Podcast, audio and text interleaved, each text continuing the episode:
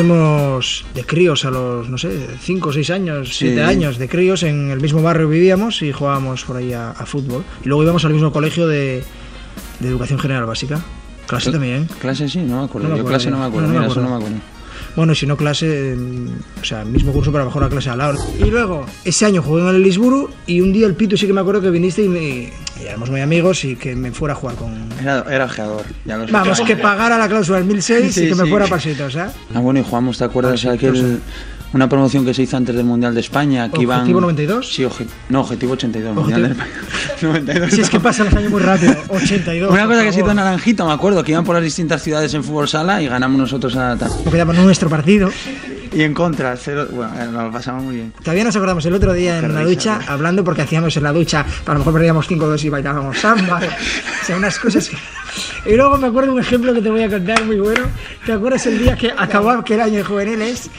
Y entonces nos reunieron en la braña porque ya la braña empezaba a tener. sí, la braña empezaba a tener ya un, nivel en, juveniles. Bueno, nivel, bueno, bajo, pero había mucha gente, había más futbolistas que puestos. Y entonces tuvieron que hacer una, una criba.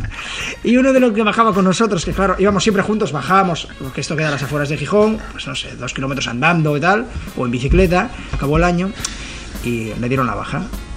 Bueno, la baja, bueno, dijeron, oye, que no, que no sigas. Y el tío ahí pregunta, pero ¿en calidad de cedido o de traspasado?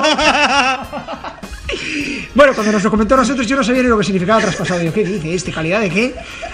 Qué gracia, por favor. En calidad de cedido traspasado, pero este que se cree que es Maradona, que digo, aquí te echaron y fuera y no pasa nada tú a jugar. Pero a mí me echaron un año antes que al Pitu. Sí.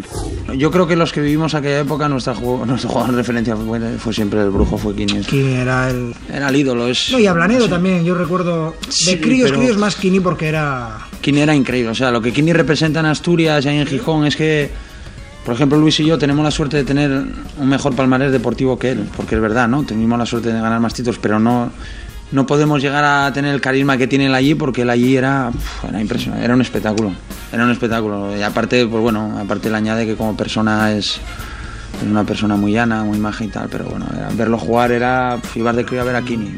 En la época de los pitus, llamábamos todos los pitusos, los pitufos. Ahora pitu, pitu, pitu, éramos todos pitus.